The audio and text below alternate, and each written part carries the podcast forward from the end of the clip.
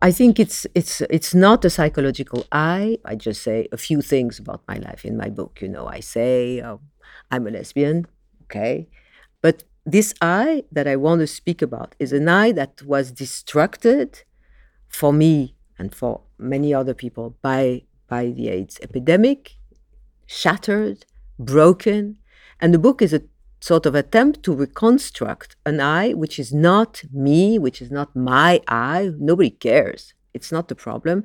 An I that is constructed through the epidemic, a kind of, and which is not chronological, which is not linear, which is not psychological, which is extremely, you know, scattered. Um, I really love that that say by Roland Barthes. He, calls about, he, he says about a text that it is a starred text once you've read it. Huh? In his very beautiful essay about Sarrasine, there is one paragraph about the starred text, text in stars. And I wish I produce a starred eye with all the voids, you know, between the planets. And to me, I, I, I said I used the I because I thought it was very important. Also because I had never used the I in my writing for the reasons you understand. So I really wanted to say that you know it's something that is personal, that is political. Okay, and this this the personal is political is such a com- complicated and meaningless sentence now. But I really wanted to put every one of I, every one of us in the position of that eye. That was very important. But then the eye, sometimes it's me, sometimes it's a work, sometimes it's an artist, sometimes it's an exhibition, sometimes it's a thing, sometimes it's an event, sometimes it's a, the performance. So, and sometimes it's it's a void. So I really wanted to consider because I, I'm a, of course a very intense reader of Paul Preciado, but I'm also a very intense reader of all these people who have really renewed the approach of science. And I'm thinking about people like Donna Haraway, Bruno Latour, Vinciane Despret, Isabelle Stengers, who have really thought about um, a, an I which is not only human, but can also be a thing. Uh, the idea that the most inc- interesting um, uh, wave of anthropology is is interested in the biography of things, for instance, how a thing can have a biography. So if, if it can have a biography, it, it can have an eye. We're all interested in archives now. I mean, artists, you know, queers, uh, writers, uh, historians, and um, you know, the thing is, it's it's quite impossible to work without. But it's the idea is to take those things and and see them from the present and not see them from the past see them without any type of nostalgia. And i know that you know it's very hard not to be.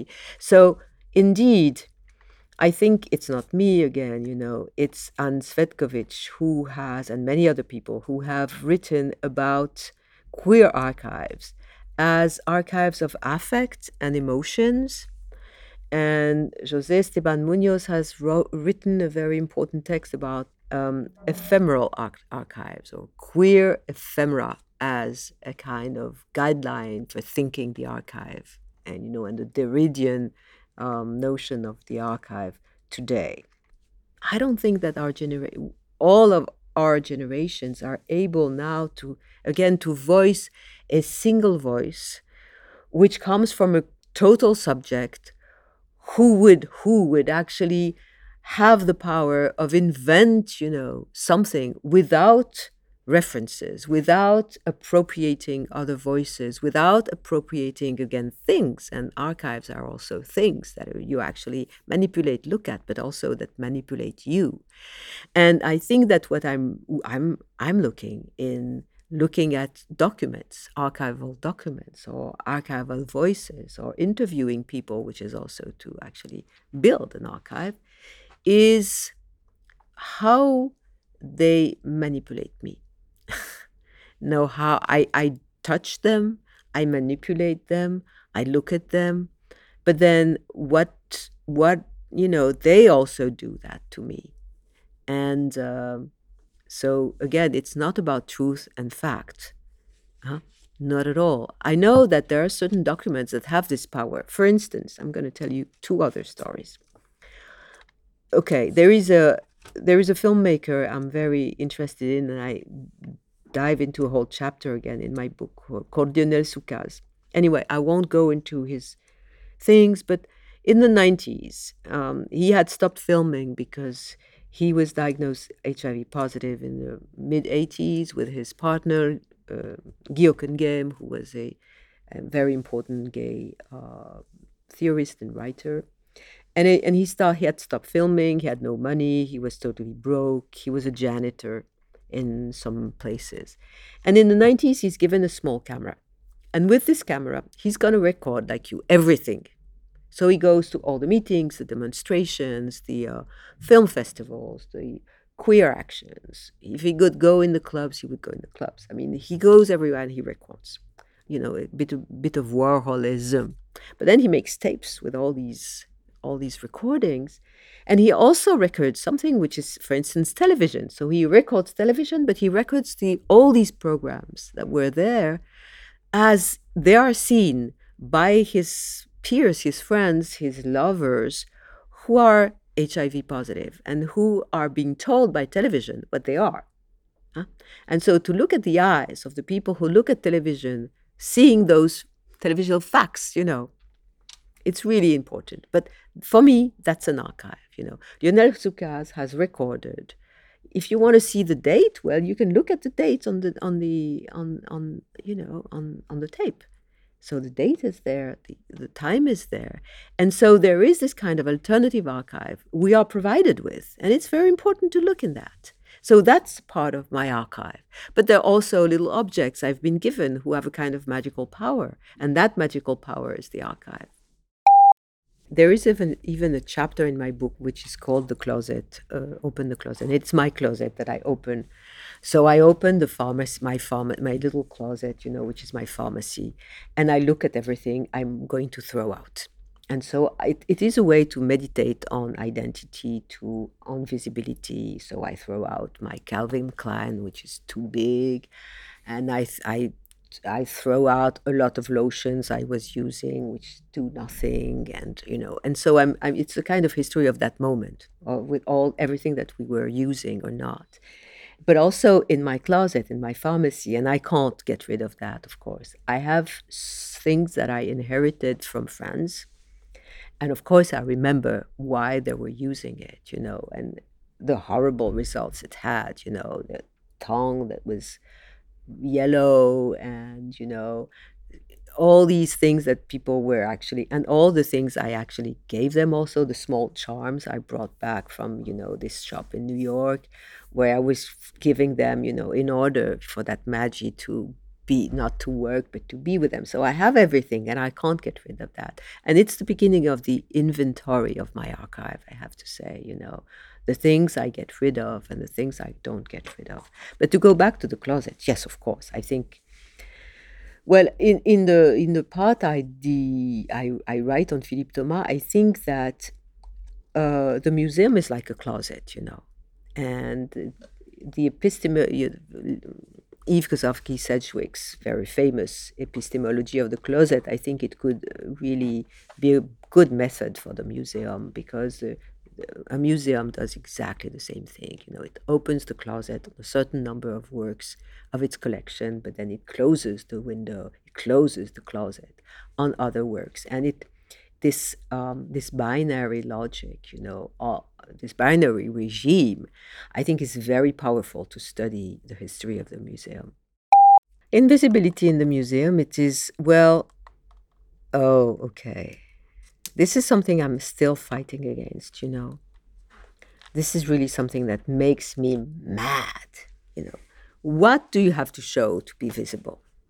What part of your body do you have to show to be visible? It's so crazy.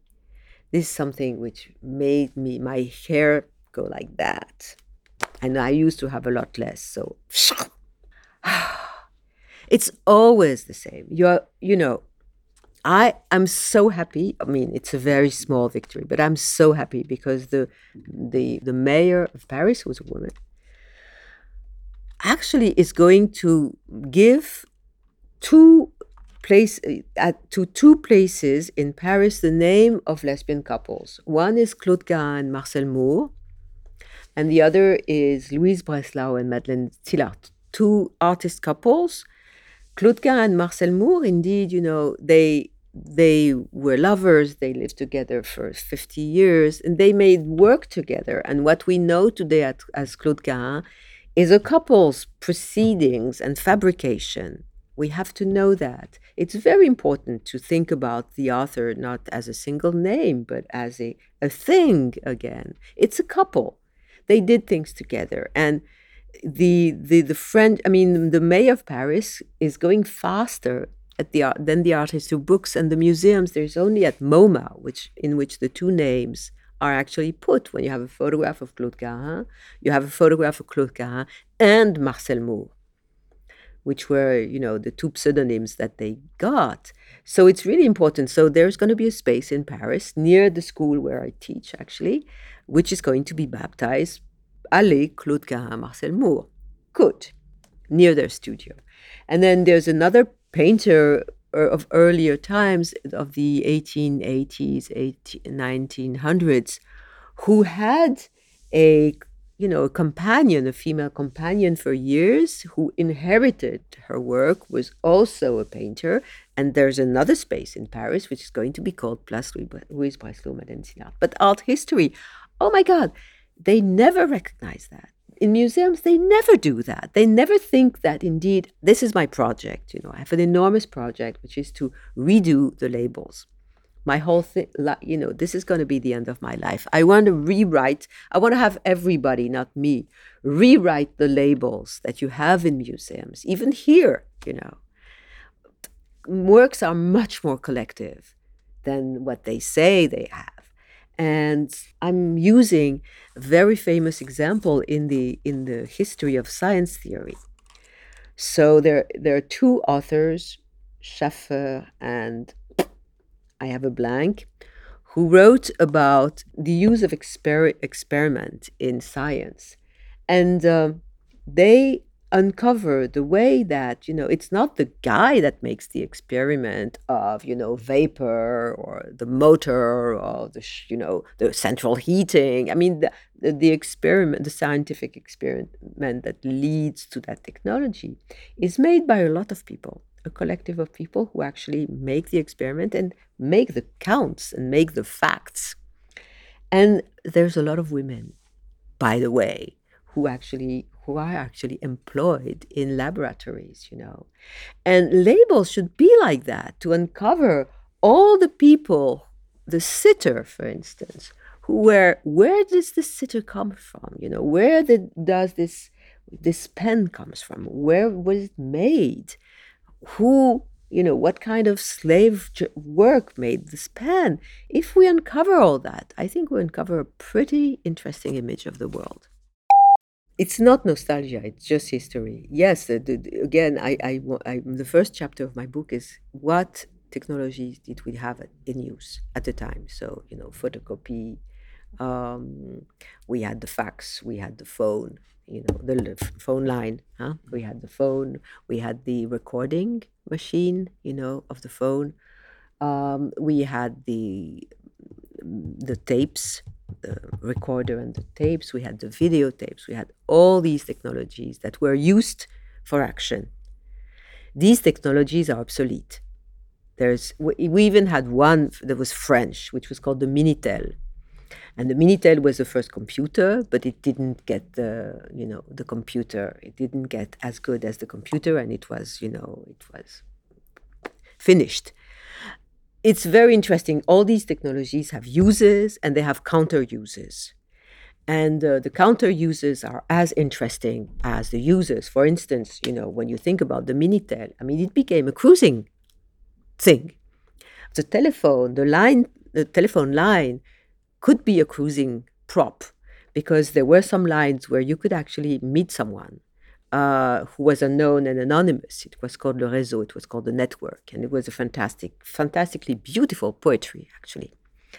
And so, what is really interesting is to think about the technologies of today, which have changed, and it's not a problem. It's not, you know, it's not. I don't want to be nostalgic about those uses, and but it's different uses and maybe different counter uses. I don't see the counter uses of Twitter and Facebook at the moment, but I'm sure there are some. But there are, of course, now we have the we have internet and we have social networks, and we use them. And to talk about the Arab Springs or to talk about uh, Occupy or to talk about you know many things that are happening now, we have to think about that politics of communication and information that goes through these channels, and it is very effective. Um, how do, how could we know about the uh, everything was happening in the Arab Spring without without Twitter and without Facebook? It was impossible. The the the, the, the means to uh, distribute photography has been has totally changed. We have the selfie. We have all these means, and these means get different types of um, uses and counter uses, and these are the ones that I want to be you know thought of today there are incredible means of using a telephone. For instance, you know, you use the telephone branching, you know, like you call two people mm-hmm. who call two people who call two people. It goes very fast. Mm-hmm. Uh, you know, to call for collective action, you know, you have all these ways. You had also all the zaps, you know, the zap fax and the zap phone, which meant you would call the same number, you know, to say the same horrible thing to someone or to the person who actually um, uses his or her phone and that was very effective too. So there, they were, yeah. I mean, those effects they are they are quite uh, potent. But uh, but of course, the, the the idea of the network has totally changed. And again, you know, I, I really want to think about the network, which is made of, of technologies, of genders, of things. You know, and in that network, there are many things that that actually uh, um, act. Uh, but the notion of network is always been very important in my work since I became a feminist uh, because I see more because I, I think the idea of trying to historicize thing or do history is not again to think about singular authors or people but then to see what was their network. And uh, in the 1920s, there were incredibly potent networks too. Um, now I'm looking for the networks of the 50s, you know, what people read, what they see, how television is there, what uses of television they do, how they make a community, how they make a collective.